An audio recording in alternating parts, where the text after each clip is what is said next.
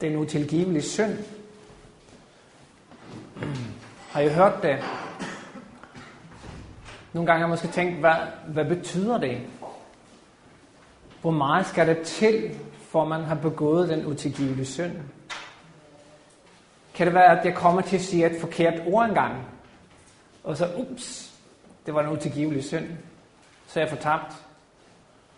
Eller kan det være det, at jeg kommer til at uh, lave den samme fejl 77 gange, og den 78. 20. gang, så er jeg fortabt. Eller måske 7 gange 70 gange, og så nummer 71, så er jeg fortabt. Hvad skal det egentlig til? Der findes noget inden for nogle kirker, der hedder de syv dødssynder. Og øh, jeg var, gik op på Wikipedia, som det hedder, på, på nettet, og så øh, læste jeg lidt om de syv dødssynder. Jeg vil lige kort læse, hvad der står her. De syv dødssynder er en klassifikation af synder, som oprindeligt blev brugt i tidlig kristen undervisning til at uddanne og instruere tilhængere i menneskets tendens til at synde. En dødssynd er bestemt som bortvendthed fra Gud i form af en bevidst overtrædelse af hans lov i traditionel katolsk teologi. Der skældes der mellem tilgivelse, tilgivelig synd og dødssynd, der i dag kaldes svaghedssynd eller alvorlig synd.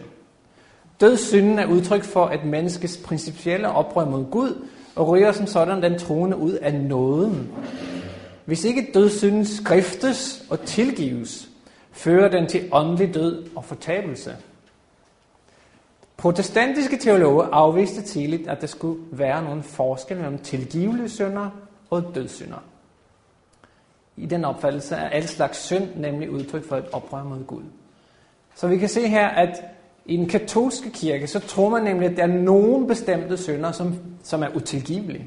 Men mindre man altså så lige skrifter og betaler lidt penge for den. Men er det Bibelens budskab? Og for at øh, belyse det, så kunne jeg tænke at tage med til en fortælling fra det gamle testamentet. Fortællingen om David og Bathsheba. Fordi at for at kunne forstå, hvad den utilgivelige synd er, så er vi nødt til at vide, hvordan Gud han håndterer synd, og hvordan vi kan få syndstilgivelse. Så hvis I har jeres bibler med, så slå op til den anden Samuels bog, og det er kapitel 11. Så vi jeg lige læse lidt kort herfra. Den anden Samuel og kapitel 11. Og jeg læser lige det første vers. Her står der, året efter, ved den tid kongerne plejede at indlede feltog, sendte David Joab og sine folk afsted med hele den israelitiske hær. De havede blandt ammonitterne og belejrede Rabbah. David blev tilbage i Jerusalem. En gang ved aftenstid stod David op af sin seng og gik rundt på taget af sit hus. Deroppe fik han øje på en kvinde, der var ved at tage bad. Hun var meget smuk. Jeg stopper lidt et øjeblik. Man kunne godt forestille sig, at David han tænkte, jamen hun er jo så smuk. Så han liksom får en lille undskyldning. Hvorfor, hvorfor er kvinderne så smukke? Men hun var ufattelig smuk. Eller hun var meget smuk, stod her. Og så sker det så, at David sendte bud og forhørte sig om kvinden. Hmm, det kan da ikke være så farligt, vel? Bare lige, jeg skal bare lige, hvem, hvem er den der smukke kvinde? Og han fik det svar, at det var Bathsheba, Eliams datter, Hittiten Urias kone. Øv. Han var en anden mands kone. Men man er vel kongen, David sendte sig bud efter hende. Hun kom ind til ham, og han lå med hende. Og bare lige for at sætte det her i perspektiv. I 3. Mosebog, det 20. kapitel og vers 10. Vi har bare lige læse for jer. Hvis I kan slå det op, så gør jeg gerne det. Men ellers kan I bare høre, hvad jeg siger. 3. Mosebog 20.10, så står der, hvis en mand begår ægteskabsbrud med en anden mands hustru, skal han lide døden. Både manden og kvinden, som bryder ægteskabet. Så vi er så ude i noget alvorligt her. Det var faktisk dødstraf for det David lige havde gjort.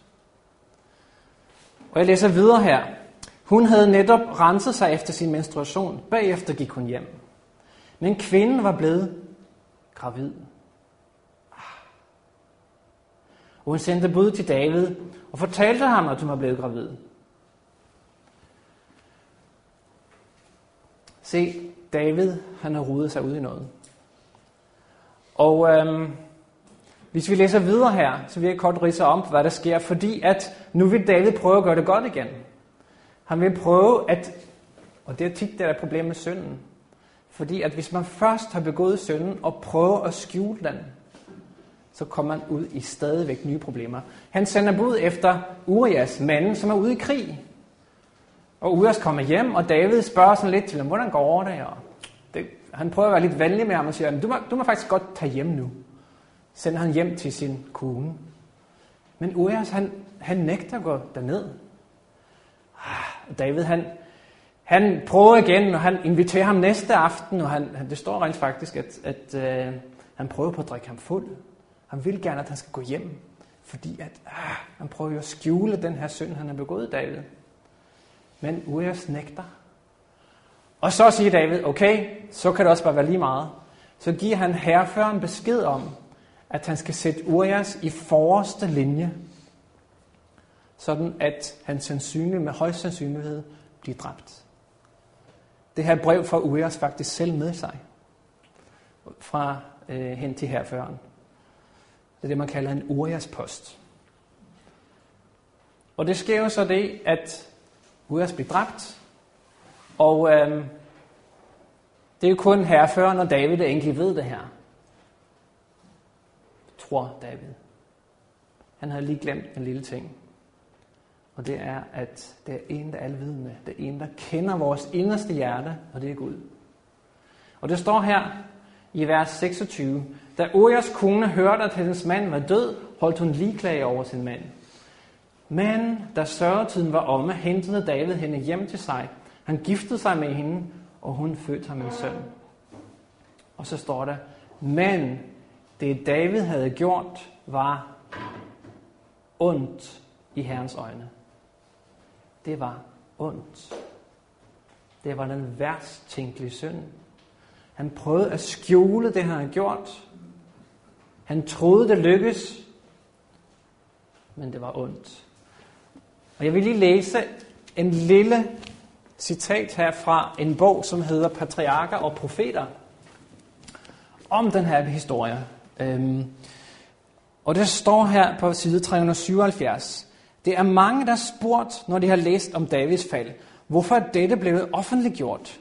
Hvorfor lod Gud verden få kendskab til dette mørke kapitel i den mands liv, som himlen havde æret så højt? Ned gennem tiderne har de vantro peget på den mørke plet, som David satte på sin karakter, og sagt med tilfredshed og foragt, her er manden efter Guds hjerte. Derved er religionen blevet bragt i miskredit. Gud og hans ord er blevet spottet, sjæle er blevet forhærde deres vantro, og mange har fået mod til at synde under fromhedens kappe. Men, og lad mærke til, hvad der står her, men Davids erfaring er ingen undskyldning for at synde. Det var, mens han vandrede med Gud, at han var manden efter Guds hjerte. Han var det ikke, da han syndede. Og det blev først igen, da han havde angret omvendt sig til Gud, at han blev Guds, en mand efter Guds hjerte. Guds ord siger klart og tydeligt, men det, som David havde gjort, var ondt i Herrens øjne. Okay, så det var altså historien her om David. Og vi kan forstå nu, at det, han har gjort, det er virkelig forfærdeligt. Så lad os gå videre for at finde ud af, David han skrev nemlig et par salmer. Og de salmer siger noget om, hvordan David han havde det. Og de bringer os nemlig lidt tættere på det her med synd, hvordan Gud håndterer synd, og hvordan han tilgiver synd. Så hvis I slår op til salme 32, så står der her i det første vers.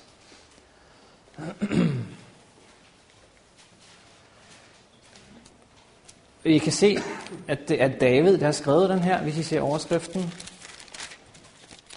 Det står maskil af David. Og det står, lykkelig den, hvis overtrædelse er tilgivet, og hvis sønder er blevet skjult. Se, David han har skrevet den her salme i forbindelse med det, der her var sket med Bathsheba.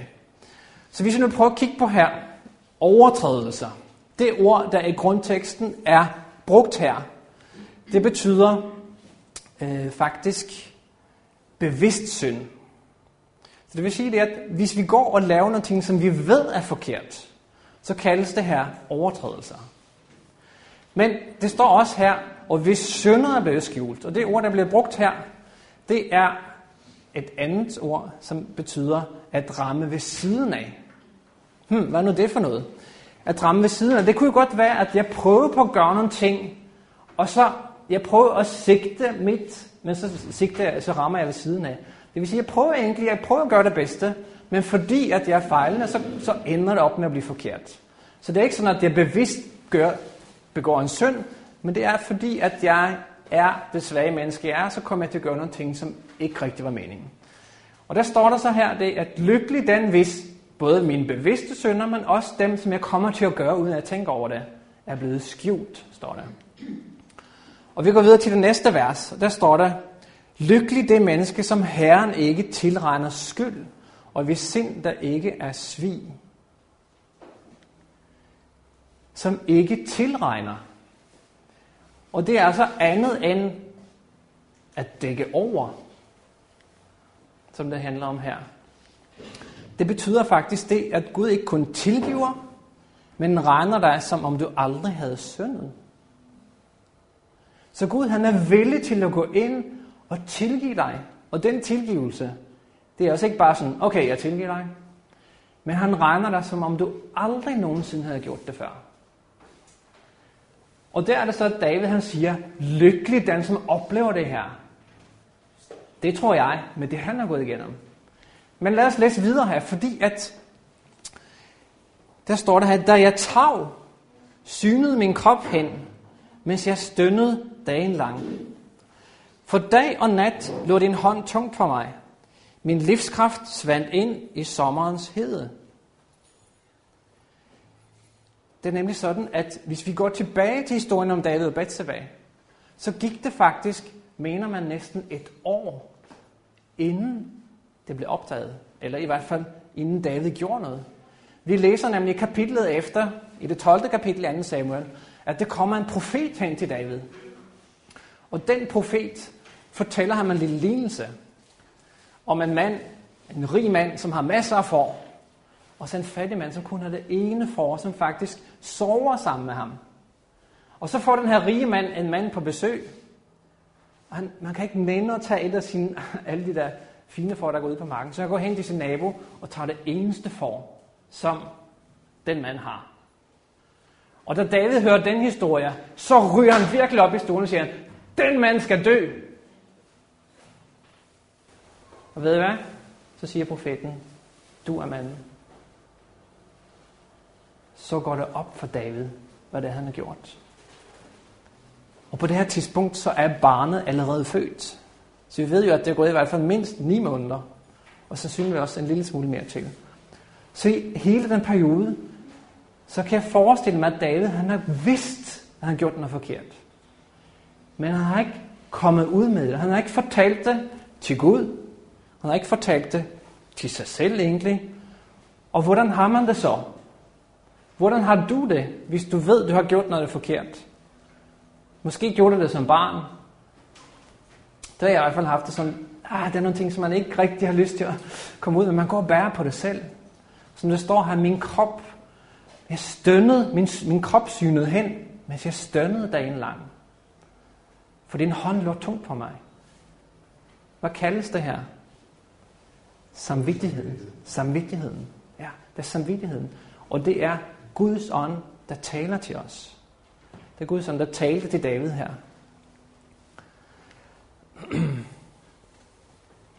Og så står der videre i det næste kapitel, uh, undskyld, det næste vers.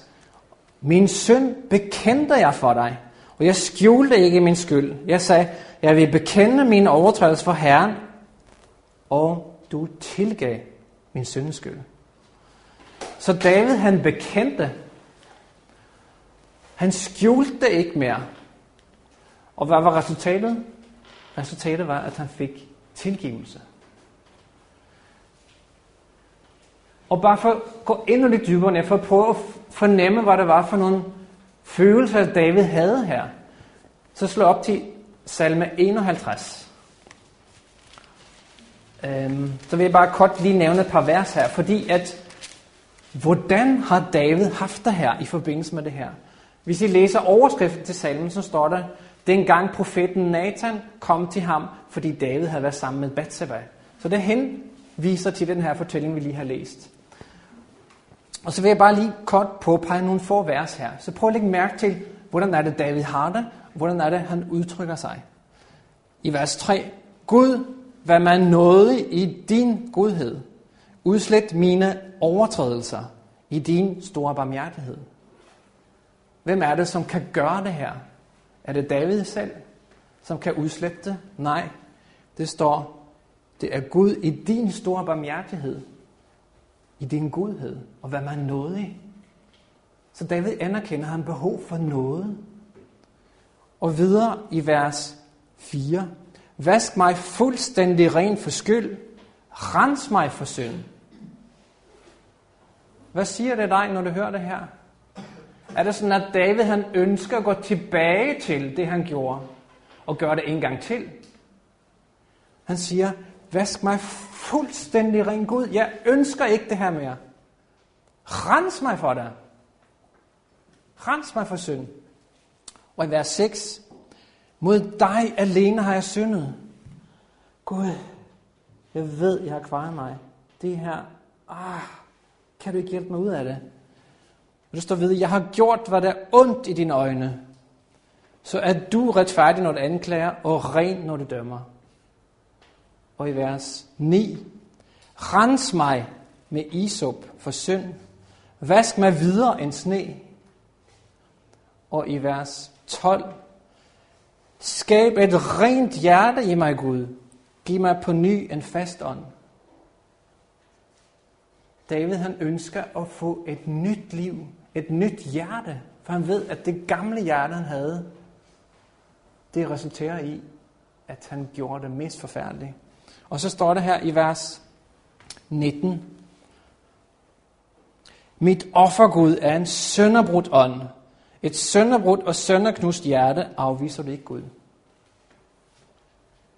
Kan I fornemme, hvordan David han har det her, efter han er blevet bevidst om, hvad han har gjort? Han er sønderknust. Han angrer. Han ønsker ikke at gøre det igen. Han ønsker at få et nyt hjerte. Han ønsker at få en ny måde at tænke på.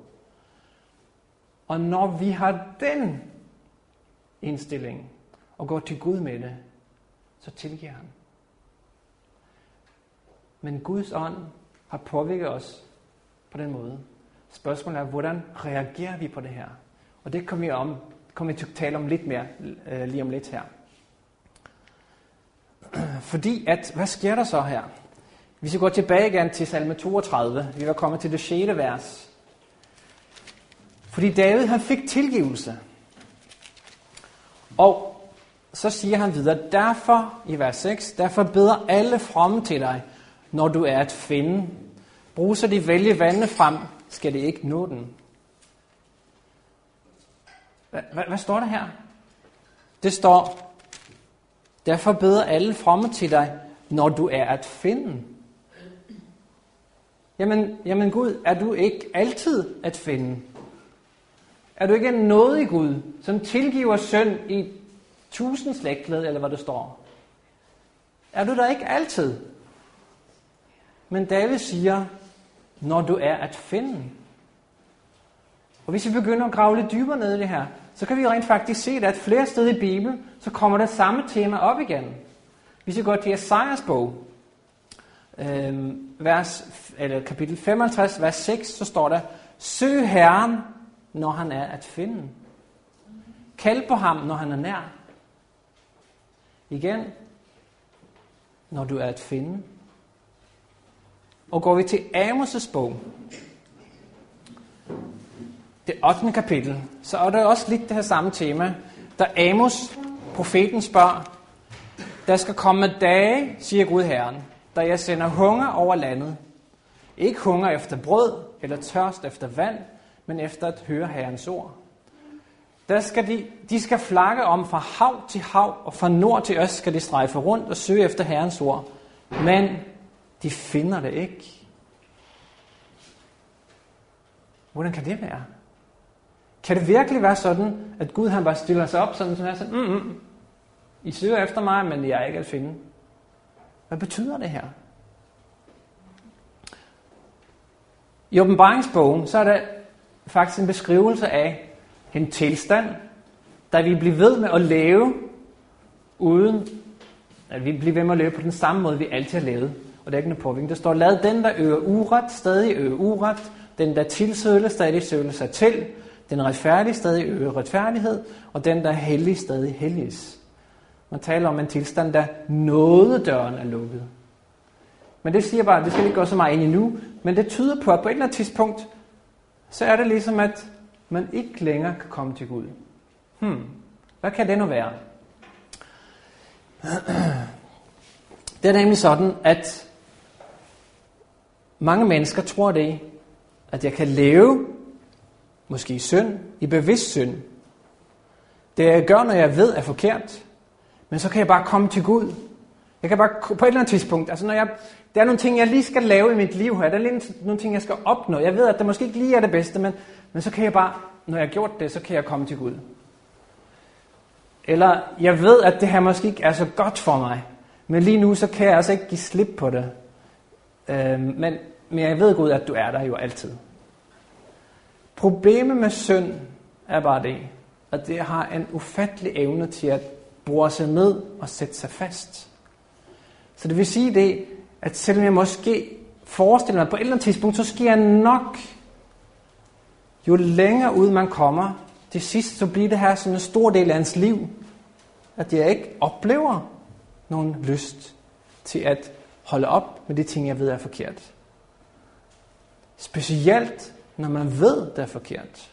Vi får så blive ved med at gøre det alligevel. Så den her lyst til at opgive, hvad jeg ved er forkert, den er der måske ikke. Bare et, et simpelt eksempel. Det, det er overhovedet ikke samlings med alvoren i det her, men min tandlæge siger til mig, at øhm, det ville være godt for mig, hvis jeg brugte tandtråd. Jeg ved ikke, om nogen har sagt det til jer også. Men øhm, så tænkte jeg, at det, det tror jeg faktisk er meget godt. Så kom jeg hjem den samme aften, og så tænkte jeg, ah, ikke lige aften, men jeg skal nok gøre det i morgen. Og så øhm, næste aften tænker jeg, Nå ja, det var det med tandtråd.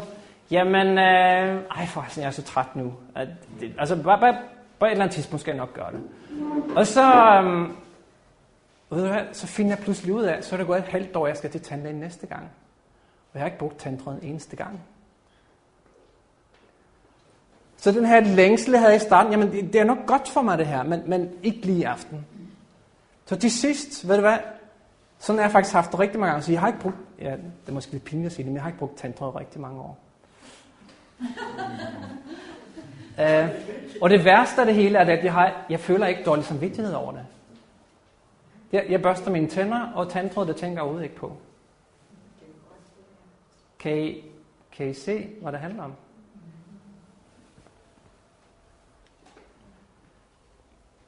Det kan godt være, at man udadtil har et ydre ønske om at opgive nogle ting. At man kommer i kirken og tager sit pæne tøj på og siger, at det her, det, det vil jeg. Men, men jeg ønsker egentlig ikke at, at opgive de her ting, som jeg har. Og hvis jeg ikke ønsker at opgive, hvis jeg ikke ønsker at angre det her, så kan jeg ikke få tilgivelse. Man ser eksempler i Bibelen på, jeg kan nævne eh, Judas, og jeg kan nævne Esau. Judas, han forrådte Jesus. Og bagefter så kommer han til, til præsterne, og så til synlædende, så, så angrer han det, han har gjort. Men han går hen og tager selvmord bagefter. Og, og vi ser Esau, som var øh, Jakobs bror. Han, det med førstefødselsretten dengang, det var ret vigtigt. Det var noget, man gik rigtig meget op i, men ah, det var ikke så vigtigt for ham, for det der med det åndelige ting, det, det interesserer ham ikke ret meget. Så hvis, David, hvis Jacob nu fik den af ham, altså fint nok, altså, hallo. Men hvis vi læser i Hebræerbrevet om Esau, så prøv lige at se, hvad der står her. Det 12. kapitel i Hebræerbrevet. I vers 15. Se til, at ingen går glip af Guds nåde. Gå glip af Guds nåde. At ingen bitter, skadelig rod får lov at sætte skud, så mange forgiftes af den, og at ingen er troløs og vandhellig som Esau, der for et eneste måltid mad solgte sin første fødselsret. For I ved, at da han senere ønskede at arve velsignelsen, blev han vraget, og skønt han med tårer søgte at omvende sig, fik han ingen mulighed for det. Fordi Esau, han var ked af, at han gik glip af pengene, som førstefødselsretten var. Og nu er det heldigvis sådan, at det er Gud, der kender vores hjerter. Jeg vil ikke kunne bedømme men Gud vidste, at Esau ikke havde en oprigtig ønske om at følge Gud. Han ville bare have goderne. Så det vil sige, på trods af, at han udadtil prøvede at bede om tilgivelse, så fik han det ikke, fordi han ikke angrede det, han havde gjort. Han var bare ked af konsekvenserne. Så fik han ikke mulighed for det. Okay? Så selvom de havde fået det, de ønskede, ville de have fortsat med sit syndfulde liv. De ville blive ved.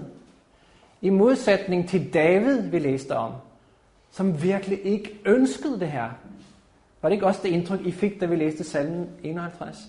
At han var forfærdelig ked af det. Han ønskede at gøre det om. Men de her, de ville have fortsat. Det er forskellen. Tilbage igen til salmernes bog, fordi at der står noget, vi er ikke nemlig helt færdige med den endnu. Det 32 øh, kapitel, vers 7. Så står der nemlig her, hos dig søger jeg skjul. Du beskytter mig mod trængsel. Du lader jubel over min redning lyde omkring mig. Når David forstår, at han har fået tilgivelse for det her, at det er forfærdeligt, som han har gjort, men Gud siger, jamen du er tilgivet. Han sagde det via profeten Nathan, du er tilgivet. Så ønsker David bare at juble. Han ønsker at fortælle det til andre. Ved du hvad? Det tror jeg også, at du vil gøre, hvis du oplever, at Gud har hjulpet dig med noget af dit liv, som du ikke selv kunne komme af med. Men hvis Gud gør det for dig, så vil du ikke kunne lade være med at fortælle det og brede det ud til, til alle, som har lyst til at høre. Så står der sådan noget vigtigt i vers øh, 8 her. Fordi at, så siger Gud, jeg vil lære og undervise dig om den vej, du skal gå. Jeg vil give dig råd, mit blik er rettet mod dig. Fordi Gud han ved det, at han ikke er alene på scenen. Det er nemlig en anden spiller på banen. Det er nemlig sådan, at vi som kristne kan godt være, at Gud har tilgivet os. Men så kommer vi ud i vores hverdag igen, og er på en kamparena, der Satan er, der han prøver på at få os væk fra Gud. Det kan jo godt være, at Satan siger, Nå ja, fint, du klarer dig den her gang. Men så finder han bare en anden vej. Og hvis vi prøver at gøre det i egen kraft at kæmpe mod Satan, så ved Satan, jeg ved bare, hvor jeg kan fange ham bedst. Men så er det Gud, han siger, jeg vil lære og undervise dig om den vej, du skal gå. For Gud har nemlig en plan. Han ønsker nemlig at undervise os. Og det gør han så ved Guds ord. Det er her sandheden findes.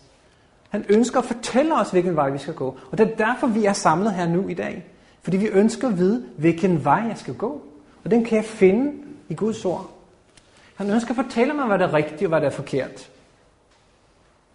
Og det ønsker han at gøre men derfor er det vigtigt, at jeg dagligt fordyber mig i det her.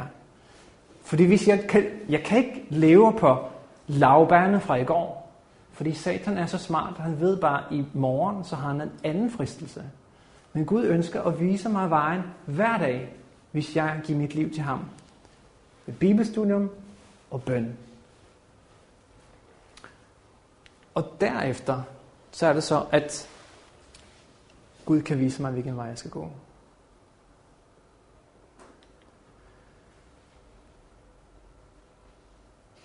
For hvis jeg fordyber mig i det her,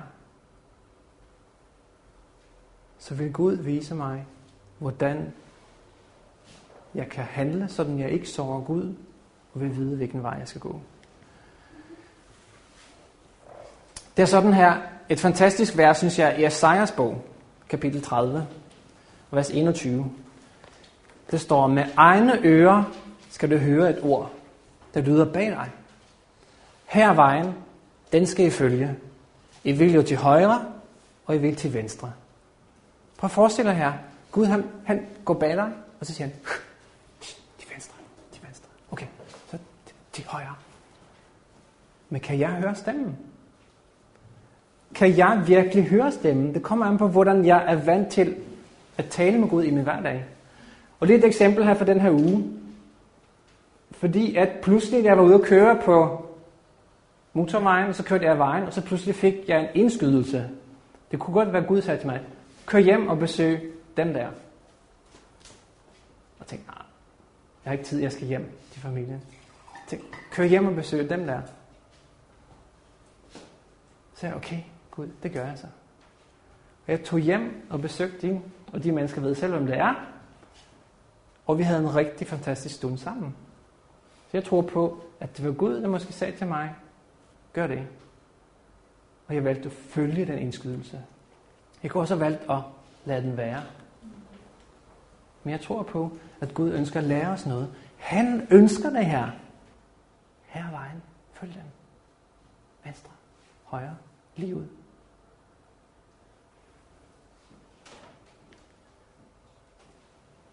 Tilbage til Salmers bog, kapitel 32, vers 9. Det står der her videre, fordi at nogle gange kan vi være lidt tåbelige. Og øh, salmisten her bruger måske nogle dyr til at illustrere det. Det står, vær ikke som heste og muldyr, uden forstand. Deres kræfter tøjles med tømme og bissel, når det ikke vil komme hen til dig. Heste er måske de dummeste dyr, men det er måske ikke helt smartest, smarteste. Men, men Gud han har givet os intelligens, så vi kan selv tage beslutninger. Men bare for at illustrere, hvad det menes med heste her, så fandt jeg et andet skriftsted i Amias 8, som jeg synes, I skal læse, fordi at nogle gange er vi mennesker lidt tåbelige. I vers 5, så står der, Hvorfor bliver dette folk så i sit frafald? Hvorfor er Jerusalem evigt utro? De holder fast ved svig og nægter at vende om. Jeg har lyttet og hørt efter, men de taler ikke sandhed. Ingen angrer sin ondskab og siger, hvad har jeg dog gjort? Alle fortsætter løbet som heste, der styrter fremad i krigen. Kan I se illustrationen? Ja, vi bliver bare ved. Gud han prøver på at fortælle os, hvilken vej vi skal gå. Han fortæller sandheden til os. Men ingen angrer sin ondskab, står der. Og siger, hvad har jeg gjort? Gud han prøver igen og igen og igen ved sin helligånd at påvirke mig og dig. Sådan at jeg ved, hvad der er rigtigt. Men ønsker jeg at respondere på det? Eller er som hesten, som bare fortsætter fremad ufortrødent? Fordi der er en, der holder i bislet og styrer mig den vej.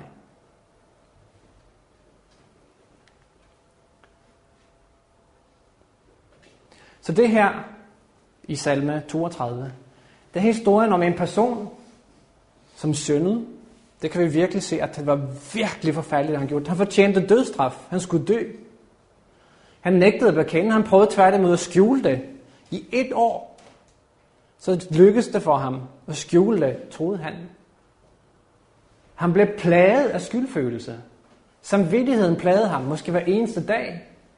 Man følte ikke, at han kunne komme ud af det. Men så forstod han, han erkendte, at han havde gjort noget, der var imod Guds vilje. Han bekendte det til Gud. Han angrede det. Han havde ikke lyst til at gøre det igen. Og resultatet var, at han fik tilgivelse. Så det er den måde, Gud ønsker at tilgive os på. Hvis, hvis det sker, så kan han ikke lade være med at tilgive os. Men så er der så noget, der hedder den utilgivelige synd. For hvad kan det så være? Og der vil jeg gå et andet sted hen, til Matthæus, det 12. kapitel. Og der er det så, at Jesus han er i samtale med nogle fariserer. Og der står det her, hvis vi læser fra vers 31, Matthæus 12 og vers 31. Derfor siger jeg, al synd og bespottelse skal tilgives mennesker, men bespottelsen mod ånden skal ikke tilgives. Og den, der taler et ord imod menneskesønnen, får tilgivelse, men den, der taler mod helligånden, får ikke tilgivelse. Hverken i denne verden eller i den kommende verden.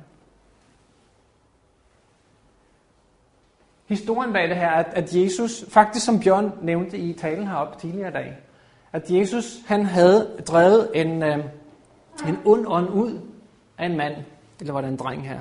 Der var en besat, der var blind og stum, står der lige her. Og så er der så, at farisæerne kommer og siger, okay, det er ved Beelzebul, det gør det, altså ved, ved de onde ånder. Hvis vi tænker på, at farisæerne gentagende gange op igennem hele Jesu levetid har fået det ene bevis efter det andet på, at det her, det er noget specielt. De har hørt om den mirakuløse fødsel i Bethlehem. De har hørt om vismændene, der kom derhen, som blev ledt af en stjerne. De har hørt om drengen i templet som 12 år, som fortæller om, jeg har sat de skriftlærte på plads, det har de hørt om. De har set, hvordan den her mand bare er omgivet af en speciel aura, at han er et eller andet specielt. Han helbreder syge, og han gør de mest fantastiske ting efter det andet. De har ingen undskyldning. De ved, at det her, det er Messias. Men de kalder ham for djævlen. Så det er et problem. Hvis man igennem en årrække er blevet overbevist om, at det her er rigtigt, men jeg vil ikke tage hensyn til det. Jeg fornægter det. Og der vil jeg læse et andet citat fra den her bog, Jesu liv, som I sikkert har set de fleste af jer, på side 228. Bare lige for at sætte det i perspektiv. Prøv at høre her, hvad der bliver sagt om den her historie. De fariserer, som Jesus talte med her, som Jesus gav denne advarsel, troede ikke selv på de beskyldninger mod ham, som de fremkom med. Der var ikke en eneste af disse høje gejstlige, der ikke havde følt sig draget mod frelseren. De havde hørt åndens stemme erklære deres egne hjerter, at han var Israels salvede, og tilskynde dem til at bekende sig som hans disciple. I lyset af hans nærværende, øh, nærværelse havde de erkendt deres ugudelighed og havde længes efter en retfærdighed, som de ikke selv kunne skabe. Men efter deres afvisning af ham, ville det være alt for ydmygende at tage imod ham som Messias. Da de først var trådt ind på vantroens vej, var de alt for stolte til at indrømme deres fejltagelse. Og for at undgå at anerkende sandheden, prøvede de med desperat voldsomhed at bestride frelserens lære. De kunne se, det var noget med ham. Samvittigheden, ånden, fortalte dem, at det her, det er Messias. Men de var for stolte til at indrømme det. Og så står det videre, det er ikke Gud, som forblinder menneskets øjne eller forhærder deres hjerter. Han sender dem lys til at rette deres fejltagelse og lede dem ind på sikker vej. Det er ved at forkaste dette lys, at øjnene forblindes og hjertet forhærdes. Og det foregår gradvist og næsten umærkeligt. Lyset kommer til mennesket ved Guds ord, Bibelen, ved hans tjener. Det kan måske være nogen, der fortæller dig nogle sandheder fra Bibelen eller ved direkte påvirkning af hans ånd. Men hvis blot en eneste stråle af lys ignoreres, sker der en delvis lammelse af den åndelige opfattelsesevne, og den næste åbenbaring af lys opfattes mindre klart. Sådan fordybes mørket, indtil det bliver nat i mennesket. Således var det gode jødefolkets ledere. De var overbevist om, at den guddommelig kraft var til stede i Kristus, men for at modstå sandheden, tillade de Satan heligåndens kraft. Og ved at gøre dette, valgte de forsætligt bedraget. De overgav sig til Satan og var herefter behersket af hans magt. Tragisk. Men lad I mærke til, hvornår sker det her? Sker det sådan fra det ene øjeblik til det andet? næsten umærkeligt. Man får en åbenbaring, enten i Guds ord, jeg sidder og læser Guds ord, og finder ud af, ej, er det, er det den vej, jeg skal gå? Nej, hm, min tradition, altså, sådan har vi det aldrig gjort. Den dropper jeg lige. Og så læser jeg måske næste uge det samme igen. Så vil den indskydelse ikke være lige så tydelig. Det vil være gradvis. Til sidst kan jeg risikere, at jeg fornægter Helligåndens kalden på mig. I Jakob 4:17 står der, den der altså ved, hvad der er det rette, men ikke gør det, er en synder. Den der ved, hvad der er rette, men ikke gør det, er en synder. Se, det er nemlig sådan, at det gode ved det er, at hvis du nu skulle opleve dig som, om du er bange for, at du har begået din utilgivelige synd, og du tænker på, åh oh, nej, jeg har gjort så meget elendigt i mit liv. Kan Gud virkelig tilgive det her? Er det muligt? Og bare det, at du har den tanke, så kan du være sikker på, at du ikke har begået den utilgivelige synd. Fordi så virker Helligånden jo stadigvæk på dig. Men hvis du kommer så langt ud, at du har fornægtet det gang på gang, at det sidst du er ligeglad, så kan det være problematisk. For det er nemlig sådan, at en person, som er miserabel, en samvittighed plager en, kan reagere på to måder. Det ene er, at man siger, okay, Gud, det kan jeg ikke klare. Du må tage det her. Jeg overgiver mig til dig. Du må hjælpe mig. Du må forandre mig. Jeg kan ikke selv. Så vil Gud gøre det. Man kan også række af på en anden måde og sige, okay, det er ikke så vigtigt. Overhør samvittigheden. Til sidst bliver man, som det står her, insensitiv. Så man ikke kan skelne mellem, hvad der er rigtigt og forkert. I Mikas bog, det tredje kapitel, så står det om Guds folk. Men, men jeg siger, hør dog Jakobs leder, stormænd i Israels hus. Var det ikke jer, der skulle kende retten? Men i hader det gode og elsker det onde. Hvad er forskellen? Altså, vi kan ikke skelne mellem, hvad der er rigtigt og forkert, hvis vi kommer ud af Helligåndens indflydelse.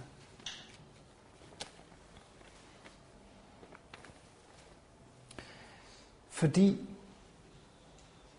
at ikke blive tilgivet af Gud, det er ikke fordi Gud ikke vil.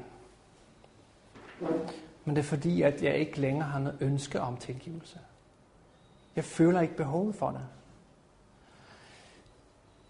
Og der, der er jeg sådan nødt til at sige nogle ting, fordi at nogle gange så ønsker vi i vores samfund i dag både at have i poser og sæk. Vi ønsker både at kunne gå til den rockkoncert fredag aften at komme i kirke lørdag eftermiddag. Vi ønsker at have det hele, men kan det lade sig gøre? Kan det lade sig gøre? Det er nemlig sådan, at hvis jeg skal få tilgivet for mine synder, så er jeg nødt til at have et ønske om at komme af med det. Og der kommer det helt an på den teologi, som jeg tror på, eller du tror på, eller vi tror på. Tror vi på, at det er muligt, at Gud kan tilgive mig og rense mig og hjælpe mig til at leve et liv i sejr? Eller tror jeg på, at det ikke er muligt, før Jesus kommer tilbage? Den ene af de to. Hvis jeg tror på, at det ikke er muligt, så ved jeg så, okay, jeg fejler, men jeg kan bare komme og få tilgivelse. Okay, jeg fejler, jeg kan komme og få tilgivelse. Okay, jeg fejler, Kom for tilgivelse. Men jeg har ikke noget ønske om, for jeg tror ikke, det er muligt, at det kan lade sig gøre at komme ud af det. Så risikoen er, at jeg til sidst ender op med, at jeg ikke ønsker at have en tilgivelse. Hvis jeg tror på, for Gud i sine løfter i Bibelen har lovet, at jeg vil hjælpe dig. Alt formår jeg af ham, som giver mig kraft. Og der er ingen fristelse, som er større end at han kan vise mig vejen gennem den. Hvis jeg tror på det, og jeg falder, og ligesom David siger, Gud, nej, du må hjælpe mig. Jeg ønsker ikke at gøre det her. Så vil Gud altid kunne give mig tilgivelse. Så det med den utilgivelige synd er måske tættere på, end vi tror.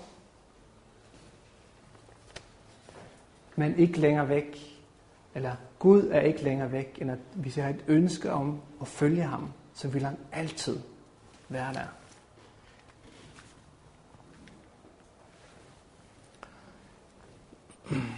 Til sidst her et par skriftsteder. Det er nemlig sådan, at selvom jeg har vokset op, eller har fulgt den tro i hele mit liv, så står der her, at min samvittighed kan blive påvirket. I 1. Timotheus, det fjerde kapitel. 1. Timotheus 4 og vers 1. Så står der her fra vers 1. Men ånden siger utryggeligt, at i sidste tider skal nogle falde fra troen, fordi de lytter til vildledende ånder og dæmoniske lærdomme, som udbredes ved løgnagtige lærers cykleri, folk, der er brændemærket i deres samvittighed. Det vil så, der er nogen, der falder fra troen, fordi de lytter til vildledende ånder og dæmoners lærdomme. Venner, vi er i fare for at blive udsat for det her. Og det er derfor, Gud har givet os Bibelen, så vi ikke skal følge de vildledende dæmoner. Han ønsker at vise os den sande ånd. Og de her mennesker var blevet brændemærke i deres samvittighed. Deres samvittighed fungerede ikke længere efter hensigten. Fordi de gradvist måske ikke har lyttet til Helligåndens kalden og var kommet helt derud, da det ikke længere interesserer sig for, hvad det Helligånden ville vise dem.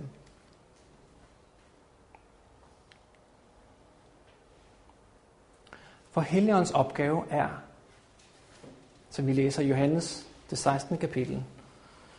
Men jeg siger jer sandheden. Det er det bedste for jer, at jeg går bort, siger Jesus til sine disciple. For jeg går ikke bort, for går jeg ikke bort, vil talsmanden, og talsmanden, det er et udtryk for Helligånden, ikke komme til jer. Men når jeg er gået herfra, vil jeg sende ham til jer. Og når han kommer, skal han overbevise verden om synd, om retfærdighed og om dom. Så Gud, han sender Helligånden til os, for at måske vise mig nogle ting i mit liv, som jeg har problemer med. Og han gør det af kærlighed til mig, fordi han ved, at han kan hjælpe mig af med det. Men han kan kun hjælpe mig af med det, hvis jeg ønsker at komme af med det. Og derfor er det Helligånden måske prikker lidt til mig en gang imellem. Prikker lidt til nogle ting, og jeg ved, åh, ja, det ved jeg godt. Men spørgsmålet er, hvordan reagerer jeg så? Solen kan virke på forskellige materialer på forskellige måder. Hvis solen brænder på voks, eller varme på voks, hvad sker der så med voksen? Den smelter. Men solen kan også påvirke lær. Hvad sker der med lær? Det bliver hårdt. Det er den samme sol. Hvis solen repræsenterer Gud, så virker Gud på samme måde på alle menneskers hjerter. Det står i Bibelen om, at Gud forhærdede faraos hjerte. Jeg tror på, at farao fik den samme påvirkning af Gud, som du og jeg fik. Men faraos hjerte var som læret her. Det blev hårdt. Mens på Peter, for at tage ham som eksempel, så smeltede voksen. Det er Guds ånd, der kalder på dig og mig. Måske kalder han dig til nogle ting, som ikke er så sjovt. Måske overbeviser han dig om fra Bibelen om, at sabbaten er den rigtige. Men jeg hørte om, at på et eller andet tidspunkt, inden Jesus kom tilbage, så, så kommer den søndagslov, og på det tidspunkt, så skal jeg nok begynde at holde sabbaten.